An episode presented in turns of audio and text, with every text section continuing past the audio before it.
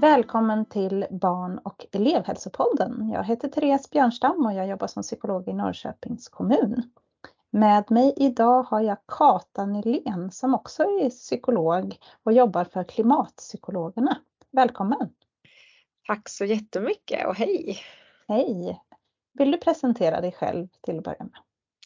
Ja, ja men precis. Jag eh, heter ju Kata och eh, jag är psykolog också precis som du Therese i grunden.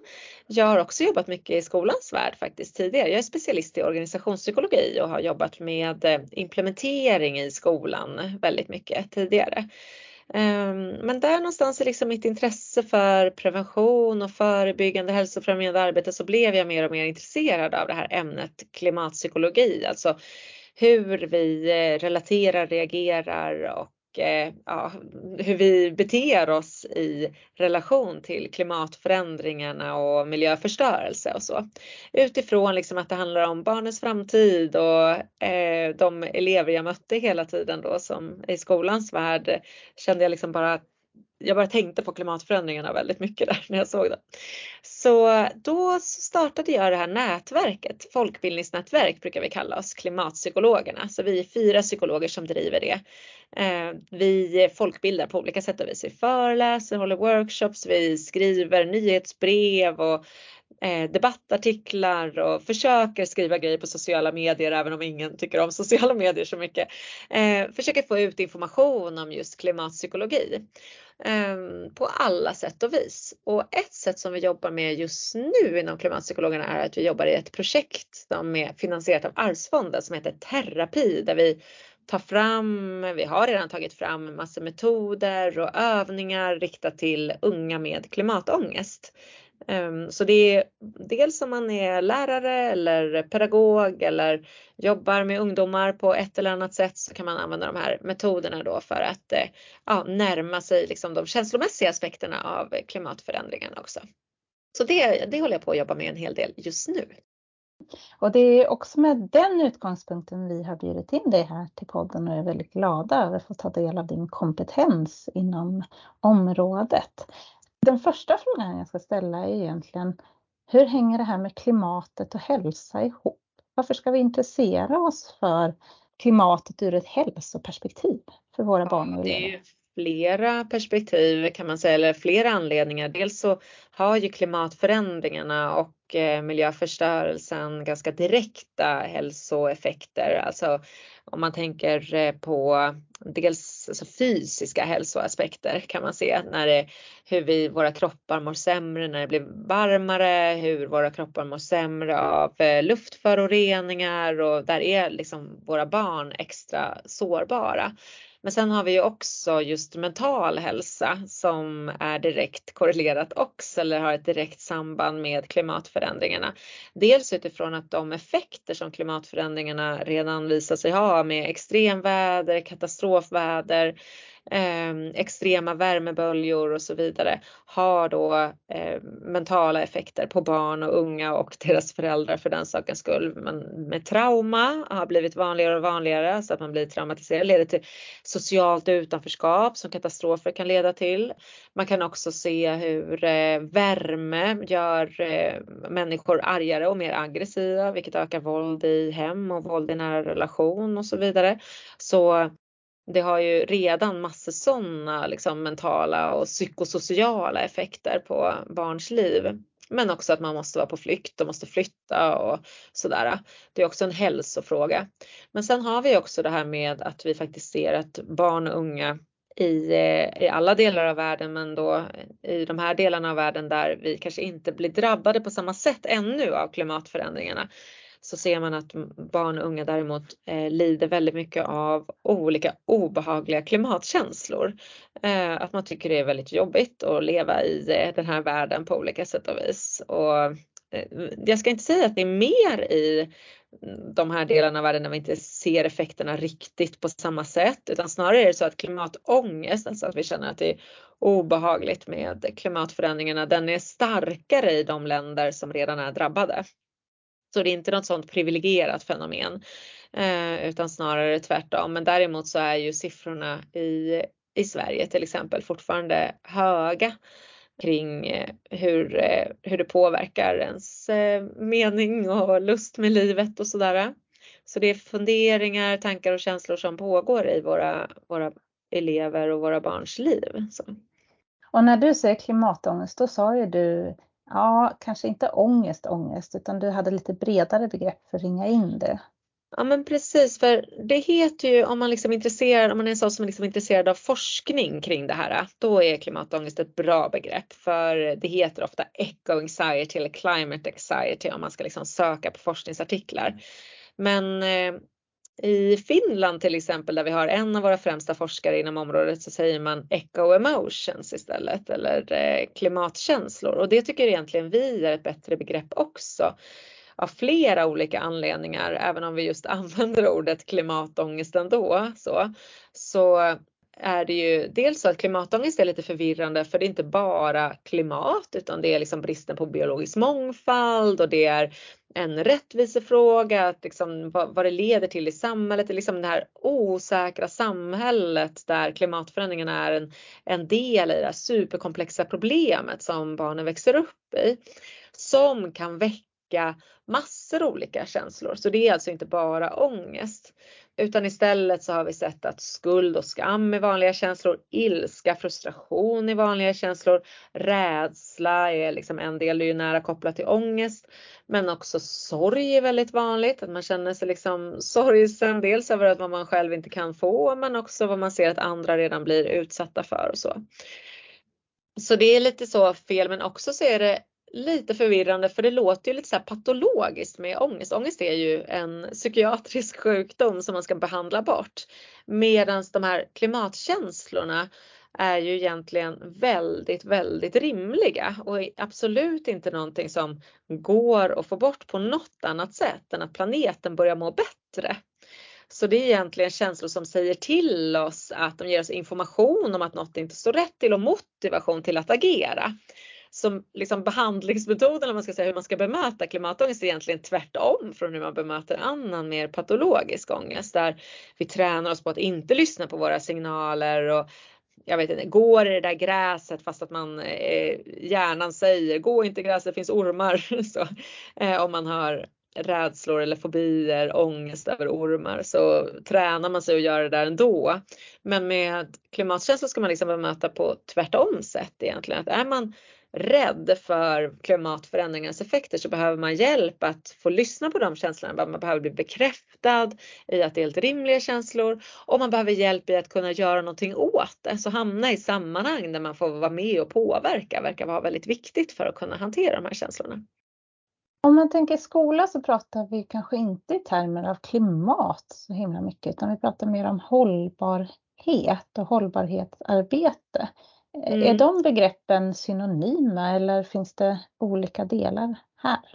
Ja, men eh, absolut. Och det, om man pratar om hållbarhet, det finns ju LOU till exempel, lärande för hållbar utveckling där det finns jätte, jättebra material kring det på Skolverkets eh, hemsida som är ganska extensiv så det kan vara jobbigt att ta sig igenom som eh, lärare utifrån den tid man har. Men om man väl gör det, vilket jag verkligen kan rekommendera, får man väldigt mycket hjälp med att just jobba med hållbar utveckling i sin skola. Um, och då är det ju inte bara klimat. Så hållbarhet så pratar vi liksom om att hitta ett, eh, det är väl det här att allt hänger ihop. Så om man tänker, det finns något som heter Agenda 2030 som är liksom våra hållbarhetsmål som vi har satt eh, med hjälp av FN eller som FN har satt liksom hållbarhetsmål till oss. Där att vi ska minska klimatförändringarna är ett av alla de målen, alla de hållbarhetsmålen. Medan skola och utbildning för alla är ett annat och jämlikhet och jämställdhet är ett annat. Så hållbarhet handlar ju om att liksom alla de här ska funka tillsammans så att vi får en mer hållbar värld där vi kan må bra och naturen kan må bra och eh, människor kan få en rättvis fördelning av planetens resurser och mänsklighetens resurser också för den sakens skull. Så man brukar prata om klimaträttvisa till exempel eller, håll, eller liksom att få en, en mer hållbar värld helt enkelt behöver absolut inte bara ha med klimat att göra. Däremot så skulle jag nog ändå säga att det som figurerar väldigt mycket i eh, ungdomar och barn och ungdomars eh, tankar är ju kanske mer just eh, klimatförändringarna. Även om bristen på biologisk mångfald eller hur haven försuras och haven mår är liksom minst lika akut egentligen som klimatförändringarna. Men det, det är någonting med att det blir väldigt konkret med just koldioxidutsläpp i atmosfären. Det är det som liksom egentligen klimat handlar om, hur den här filten som vi har runt omkring jorden eh, gör, blir liksom tjockare och tjockare i och med koldioxiden, vilket gör att det blir uppvärmt och då liksom kom ekosystemen hamnar i, eh, ja, i obalans helt enkelt.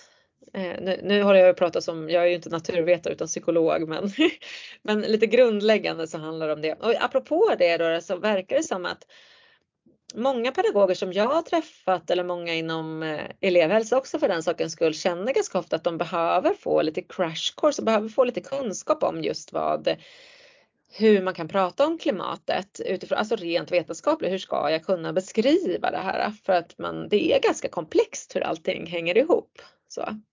Men det som verkar gått fram i alla fall hos eh, vår, de flesta elever i Sverige är att det handlar om global uppvärmning, det handlar om liksom vi, det blir varmare och varmare. Det handlar om att det sätter ekosystem i obalans, vilket gör att eh, det kommer mer och mer extremväder. Regnen kommer inte när de ska, de blir kraftfullare än förut och eh, naturen mår liksom inte bra och det här påverkar livsmedelsförsörjning. Det påverkar eh, ja, men förutsättningar för att leva helt enkelt. Och, och att det är människan som har ställt till det här då, då med sina utsläpp. Just det. Ja. Men hur ska vi prata med våra barn och elever om klimatförändringar, klimathot och vad vi gör och vad vi inte gör och hur det går och inte går och så vidare. Ja, men det är några grejer som liksom, det finns några sådana takeaways. Jag vet att jag och en kvinna som heter Frida Berry Eklund, vi tog fram en liten sån här eh, parlör som både finns på svenska och engelska kring liksom hur ska man prata med barn om klimatet i fem enkla steg som finns på Våra Barns Klimats hemsida om man är intresserad av att ladda ner den pdfen. Där finns det också lite videoklipp som jag har gjort. Den kan vi lägga som länk tänker jag så kan ni alla få ta del av den. Men bra tips. Men eh, Absolut. dra gärna dem här också så ja. får vi det till oss. Ja, precis. Men det som jag brukar prata om är väl liksom för det första så handlar det om att vi vi måste prata om det. Vi, oavsett ålder så behöver vi börja prata om klimatförändringarna med alla barn för eh, annars så finns det risk att de, eh, de uppfattar ju det här ändå och annars finns det risk att de dels lägger väldigt mycket skuld på sig själva. I en viss ålder så är man väldigt benägen att göra det där runt 9-10 års åldern och man kanske inte tycker det är så eh, så himla aktuellt att prata om klimatförändringar men det är ganska bra att göra det för annars finns risk att, de liksom, att det hamnar på att de har ställt till det så att man verkligen eh, förklarar förklara för dem vad det är som händer och hur vi behöver liksom stora lagar behöver ändras och det är människor i tidigare generationer som har ställt till det här och det är inte upp till dem. Men liksom så att vi måste prata om det, vi måste vara ärliga. Vi liksom vinner förtroende genom ärlighet. Men såklart beroende på ålder så ska vi vara ärliga utan att skrämmas. Man kan få vara lite försiktig i liksom de lägre åldrarna med till exempel visa bilder och filmer och sånt. Det, för det kan ju vara väldigt, väldigt skrämmande. Men ändå hitta, som det är så, på så sätt som vi pratar om allt annat som är svårt. Döden kan också vara skrämmande men vi måste prata om det.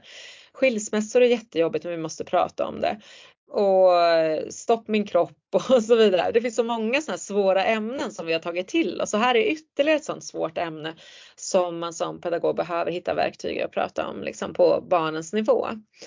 Och när man gör det då så är det ju dels viktigt att liksom hitta ett sätt att förklara det utifrån nivån men sen också att det vi rekommenderar är ju att man också checkar av med barnen hur de känner kring det. Alltså man frågar och utforskar kring hur känns det här? Så att de i tidigt skede blir validerade eller även om man har äldre åldrar Eh, i sin elevgrupp blir validerade i sina, alltså man får sina känslor bekräftade. Att man kan säga så här, ja men känner du dig arg och frustrerad? Absolut, det, jag kan också känna mig jättefrustrerad och det, där, det är helt rimligt, det är klart det här är jättesvårt. Så att liksom bekräfta känslorna.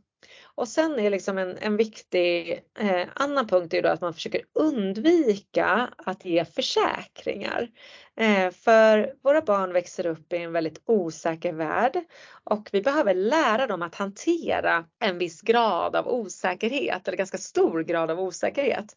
Och säger vi till dem att ja, men det här med klimatförändringarna sker och vi vet eh, inte riktigt eh, exakt hur det kommer bli, men allt kommer ordna sig för nu har de snart kommer man på elektriska flygplan och snart kommer eh, det lösa sig helt och hållet. Vi kan bara leva på som förut. Så dels så tränar de ju inte på att hantera den här osäkerheten. Till skillnad från om man kanske säger att ja men eh, vi vet inte vad som kommer hända och det kan kännas jättejobbigt. Eh, det vi vet är att vi kommer vara människor hur det än kommer se ut men eh, vi vet inte exakt vad som, hur det kommer bli. Det kan inte jag svara på. Vi vet inte, det kommer med stor sannolikhet bli väldigt annorlunda hur vi kommer leva våra liv på grund av klimatförändringarna vi kommer behöva ändra sättet som vi lever våra liv på.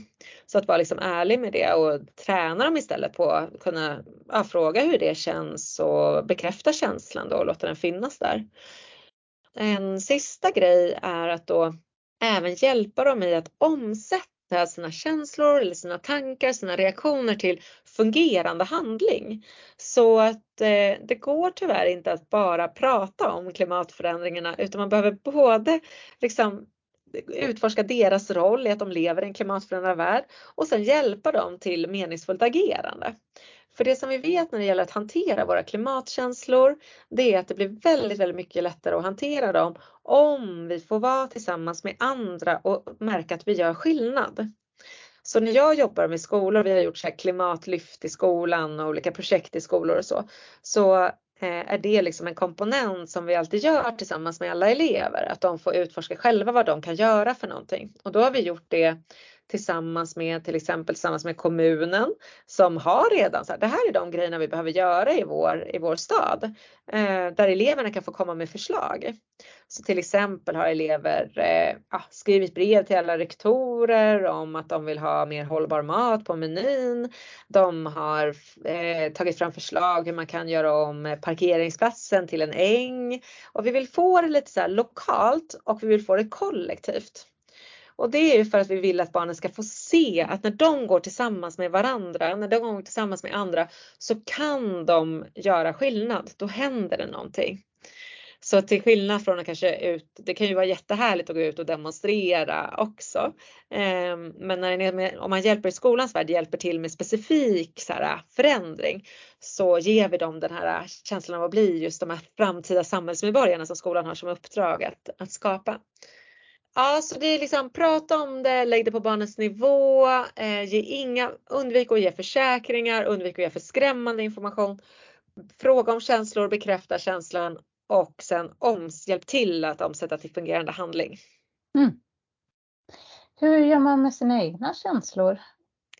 Ja, väldigt bra. Det tror jag vi också har i den här parlören faktiskt, eller jag brukar prata om det i alla fall att det är ju superrelevant. Ganska många behöver kanske hitta någon vuxen att prata om sina känslor kring. Eh, att eh, det finns historier om eh, pedagoger som har lagt över liksom sin egen klimatångest på elever, att man kanske skuldbelägger och skambelägger elever som inte liksom lever miljövänligt för att man själv har så svårt att hantera det.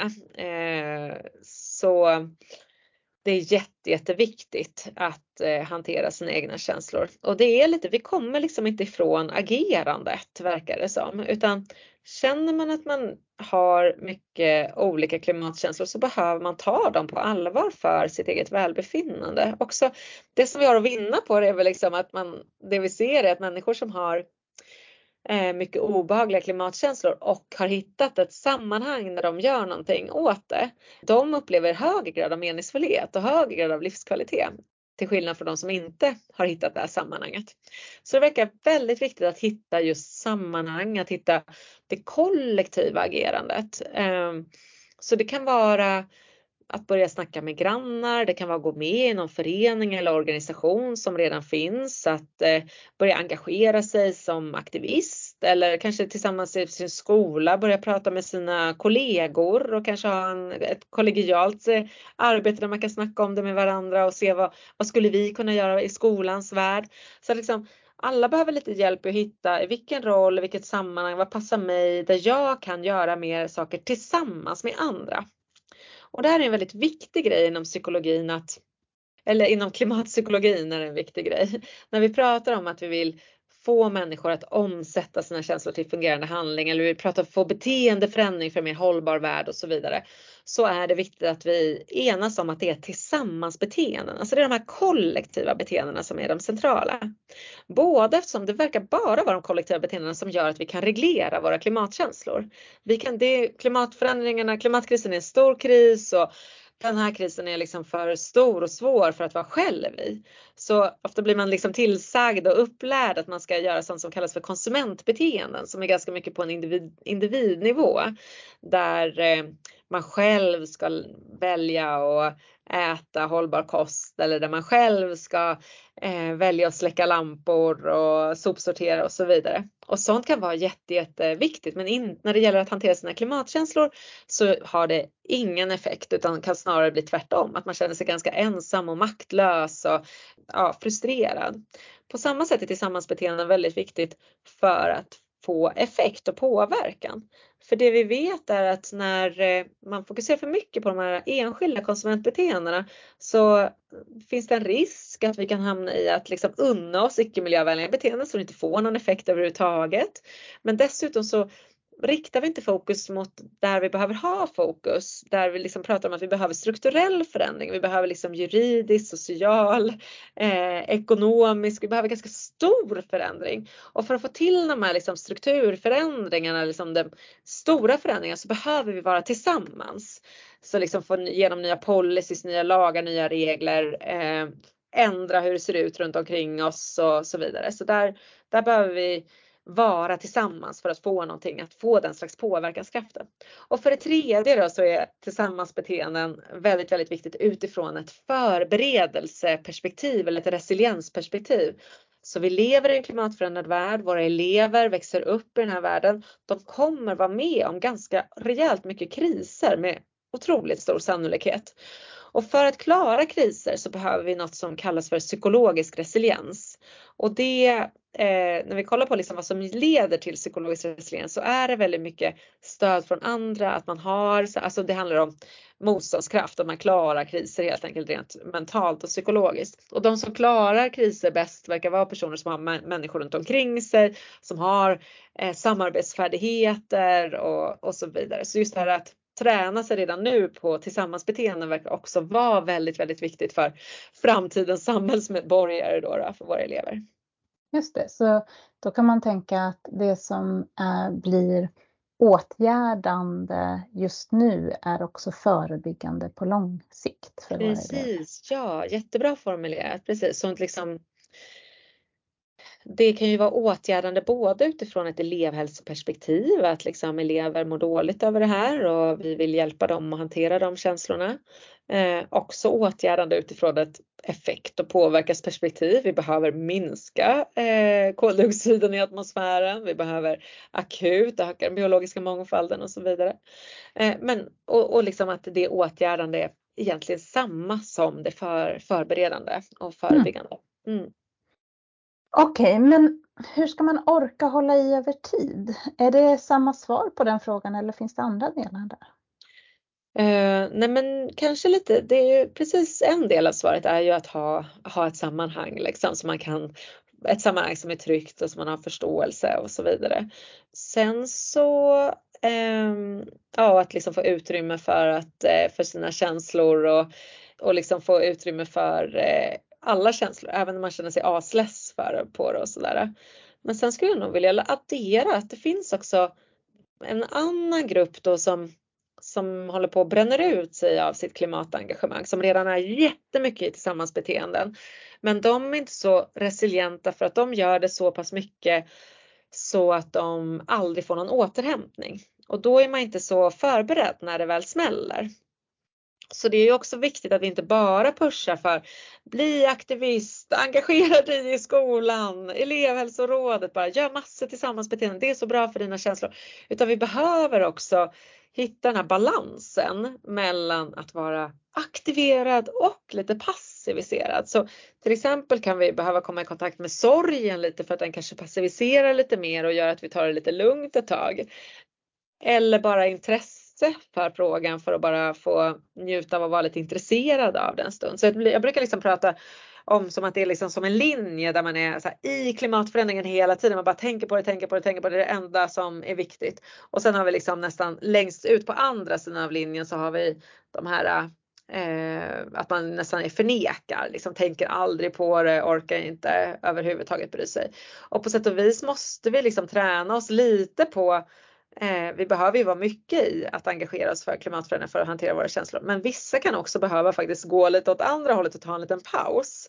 Kanske tillåta sig att bara gå på den där festen och prata om något helt annat eller göra sin sport och bara vara fokuserad på den sporten och liksom att det kan också vara en minst lika viktig eh, hälsoåtgärd för att kunna hålla över tid. Så liksom hållbart engagemang är ju väldigt viktigt och ge utrymme för de pauserna. Den linjen som du beskriver nu, den tänker jag finns kanske i varje klassrum. Hur, ja. hur hanterar vi en grupp som befinner sig på så olika nivå kring sina klimatkänslor och mm. sitt engagemang? Mm. Ja, det här möter jag ju väldigt ofta frågan kring hos eh, lärare och pedagoger som jag träffar och eh, man, man upplever nästan ofta svårare med de elever som eh, är motståndare än de som har jättemycket klimatångest. De kan man nästan lättare liksom hjälpa till engagemang och så vidare. Eh, en viktig grej i helgrupp det är det här att man måste hjälpa gruppen att släppa fokus på konsumentbeteende. För lägger man fokus på så här, vi har klimatförändringar, vi kan göra någonting åt det. Och det vi kan göra åt det är att allas agerande är viktigt. Sopsortera, köp second hand, ät eh, hållbar mat och så vidare. Då lägger vi liksom skuld och skam och vi lägger som ett litet raster över eleven som gör, eleverna som gör att man delar upp dem. Där de kanske inte har något val själva. Det är ju hur de har blivit uppvuxna och liksom vilken familj de lever i och familjer som kanske bestämmer hur de reser på sin semester och så vidare.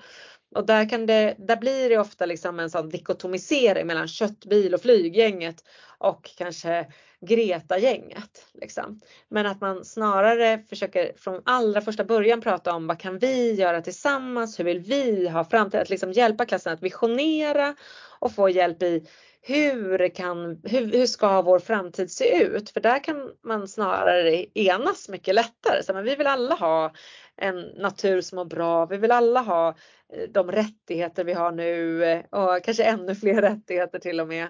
Vi vill alla ha eh, en värld utan eh, våld och där alla är lika värda och så vidare. Och eh, i det liksom så kan man snarare säga vad, vad, skulle vi tillsammans kunna göra för att kunna ta oss ditåt? Så, så att det blir viktigt att man inte eller att man skapar det här liksom kollektivet och agensen ger det till eleverna oavsett hur de lever sina liv. Oavsett vad de har på sig, oavsett vilken vad de identifierar sig med och så. För att, för att minska den i alla fall. Sen är det klart att det finns elever som från annat håll eh, får eh, mycket information om kanske att klimatförändringarna är en konspirationsteori eller att det inte stämmer eller att det, det finns viktigare saker eller att det bara allt kommer lösa sig genom elektrifieringen eller så liksom. Eh, och där har ju vi vuxna som möter barn i den fysiska världen, alltså vi som möter dem face to face, så vi har en, ett ganska stort uppdrag att dra dem ur sina olika eh, polariseringar som sker. För till exempel sociala medier, sen kan det komma mycket hemifrån också såklart, men sociala medier funkar ju på det sättet att liksom, eleverna fastnar i, alltså själva affärsidén är ju helt enkelt att vi, eh, det, de säljer uppmärksamhet och uppmärksamhet får man genom att ge det som de redan är intresserade av. Så där blir det de här looparna liksom. Och det kan ju vara allt ifrån loopar om eh, klimatförändringar och konspirationsteorier till att det enda som är viktigt i livet är olika makeup tips. Eh, men det vi också vet är att det som skapar mer uppmärksamhet eller det som skapar mer engagemang som sociala medier kan sälja sen, det är falska nyheter. Så falska nyheter liksom är, är smartare för dem att sprida än sanningen. Så att också vara väldigt tydlig med sanningen och tydlig med vetenskapen, liksom det uppdraget är också jätte, jätteviktigt eh, för alla i skolans värld eller alla som möter elever generellt i, i den fysiska världen. Och också träna på samarbete, träna på att få de här eh, olika individerna att acceptera varandra och det som många redan gör, det är faktiskt ett hållbarhetsarbete. Jag tror liksom majoriteten av alla lärare jobbar ju med att få till samarbete i sina klasser och få, få till det här och få det att funka. Och det är en del i att skapa en hållbar värld. Det är liksom ganska viktigt. Men man skulle också kunna då eventuellt sätta ord på det och lyfta upp det till att vet ni det vi gör, det är jätteviktigt utifrån att vi lever i en klimatförändrad värld. Så. Mm. Vad säger unga barn och unga själva om vad skolan borde arbeta med och vad vuxenvärlden borde göra? En väldigt tydlig del. Vi har en, till exempel en ganska stor studie på 10 000 ungdomar som eh, visar att eh, det, som, det finns en liksom direkt korrelation med barn och ungas eh, klimatoro och hur de upplever att, de, att vuxenvärlden inte agerar. Så ju mer man upplever att vuxenvärlden inte agerar desto mer orolig är man. Och det här är väldigt, väldigt återkommande då både i, i case och i studier att eh, att ungdomar känner en enorm besvikelse på vuxenvärlden, att man upplever att man inte har samma förutsättningar som vuxna innan en och man upplever att vuxenvärlden inte gör eh, tillräckligt. Och Eh, här är det återigen då, när man pratar om klimatet med barnen så oavsett om man är förälder eller pedagog så kommer man inte undan att visa att man själv tar frågan på allvar. För det, det är väldigt, väldigt jobbigt att behöva få den här informationen från en vuxenvärld som agerar som om det inte är sant. Så. Så det är väl det enda jag kan säga om det. Jag, vet, jag kan tyvärr inte uttala mig om vad man själv vill ha från sina lärare och så vad det gäller undervisning men eh, till exempel när vi gjorde en pilot i, en skola i Lund, det var en mellanstadieskola, en klimatlyftspilot, så märkte vi hur intresset gick upp. Eh, att liksom oron minskade inte av att man, eh, för det, snarare så att liksom, den ökade inte heller men vi såg liksom ingen signifikant skillnad på att oron minskade. Däremot såg vi att meningsfullhet och intresse gick upp och det, det betyder väl kanske lite då, då att man i alla fall gillar att få bli tagen på allvar kring de här frågorna. Mm. Och att eh, öka delaktigheten för barn och unga, eh, våra elever i förskola och skola, det påverkar också, eh, säger mm. du här. Så om mm. vi jobbar med ökad delaktighet i, på, i olika forum och på olika sätt i vår skola mm. så rustar vi dem och kan också skapa möjlighet för dem att eh, påverka oss. Mm. Ja men verkligen, precis. Ja, men det, det är liksom som eh, ja, det är ju en liten dans kanske som man kan ha tillsammans för om man röstar om att påverka oss. Sen är man lite, om man är lite moldable eller lite eh, mogen då för att bli påverkad så eh, kan man passa på att bli det när man ändå ska ge eleverna den här känslan av påverkanskraft och kollektiv påverkanskraft. Man säger, det var faktiskt ni som gjorde att jag har bestämt mig för att ta tåget nu istället för att flyga eller det är ni som gjorde att jag har skickat in det här medborgarförslaget tillsammans med mina grannar eller så. Mm. Okej, okay, eh, jag tänker att du har beskrivit hur man kan göra som ensam vuxen, men du pratar ju väldigt mycket om att vi också måste hitta kraften tillsammans i skolans mm. värld. Hur kan man mm. jobba i, som helhet i skolan? Hur kan vi göra det här tillsammansarbetet? Ja, men det här blir ju nästan en ledarskapsfråga på sätt och vis vilka resurser man sätter till det här. Jag tycker det absolut bästa utfallet har varit i de skolor där all personal får utbildning i att prata om klimatet. All personal får eh, utrymme att eh, diskutera på vilket sätt de kan inkorporera det här på sina lektioner. Ehm, eh, där eh, där ledningen är väldigt tydlig att det här är en viktig del i hela vårt stora uppdrag, att vi rustar våra elever för den framtid de faktiskt kommer fungera i. Att man ser det som en möjlighet att kanske öka eh, de här andra värdena som att öka skolnärvaro, intresse, engagemang i skolan. För att det är ju himla spännande och himla, eh, ett, himla lärorikt också. Så eh, ofta liksom har det ju blivit så att det är några eldsjälar i skolan som driver hållbarhetsfrågan och det är väldigt, väldigt tungt och väldigt tufft för dem. Så det bästa är ju om man kan få mandat från sin ledning att driva det eh, med hjälp av dem istället. Så man kanske har några, ett gäng utbildningsdagar, eh, kanske gör en, en satsning då man inte gör några andra konkurrerande grejer, inte byter IT-system eller eh, jobbar med att implementera någon modell eller sådär. Eh, och försöker då få ihop liksom ens, ens klimat eller hållbarhetslyft tillsammans med eh, det andra som är viktigt, studiero eh, och inlärning och närvaro och så det är väl liksom det som är det bästa. Sen är det klart, är man en av de här eh, ensamma engagerade så skulle jag ändå säga att försök börja prata med dina kollegor och hitta stöd och kanske man kan börja med att erbjuda så här, vilka vill träffas på en AV och prata om det här? Man börjar spåna tillsammans liksom. Eh, man kanske kan slå sig ihop med någon annan skola där det kan finnas andra intresserade så man blir en, en lite större gäng i alla fall. Men att på alla sätt och vis försöka liksom gå från en till fler och fler och fler är ju väldigt, väldigt, väldigt viktigt. Och sen eh, så tänker jag också att du sa någonting i, i den här balansen mellan att man ska göra någonting som blir hanterbart för en, så det kan ju inte bli för stort för mycket. Och samtidigt får vi inte göra för lite heller, för då är risken att vi inte får någon effekt och att vi tröttar ut oss själva och ja. andra. Ja. Mm. ja, det där är ju verkligen eh, klimatkänslornas eh, bov på något vis. För bovorna, eh, känslorna säger till en liksom, nu är det kris, agera, gör allt du kan. Man liksom laddar som att så här, det står ett lejon inför en. Liksom känslornas grundfunktion. Vi skulle kunna springa, vi har dem ju för att vi ska springa från lejon liksom. Eh, och sen så orkar vi ju inte springa och springa och springa och springa och springa utan man blir trött till slut. Så det gäller ju att liksom hitta det här hållbara sättet och där kan man nog, det är där jag också brukar rekommendera att försöka hitta sin roll och sin kapacitet för det är väldigt svårt att säga, ge ett recept till en person. Mm. Eller till alla personer för man har väldigt olika livssituationer. Det kan vara en lärare som eh, lever ensam och barnen har flyttat ut och man har massor tid och möjlighet till att både engagera sig på fritiden och i skolans värld. Det kan vara någon som har småbarn och precis skilt sig och liksom är, har hur mycket som helst för sig och jobbar som lärare. Eh, då kanske man behöver bryta ner det till att bara jobba kanske i, med sin klass till att börja med.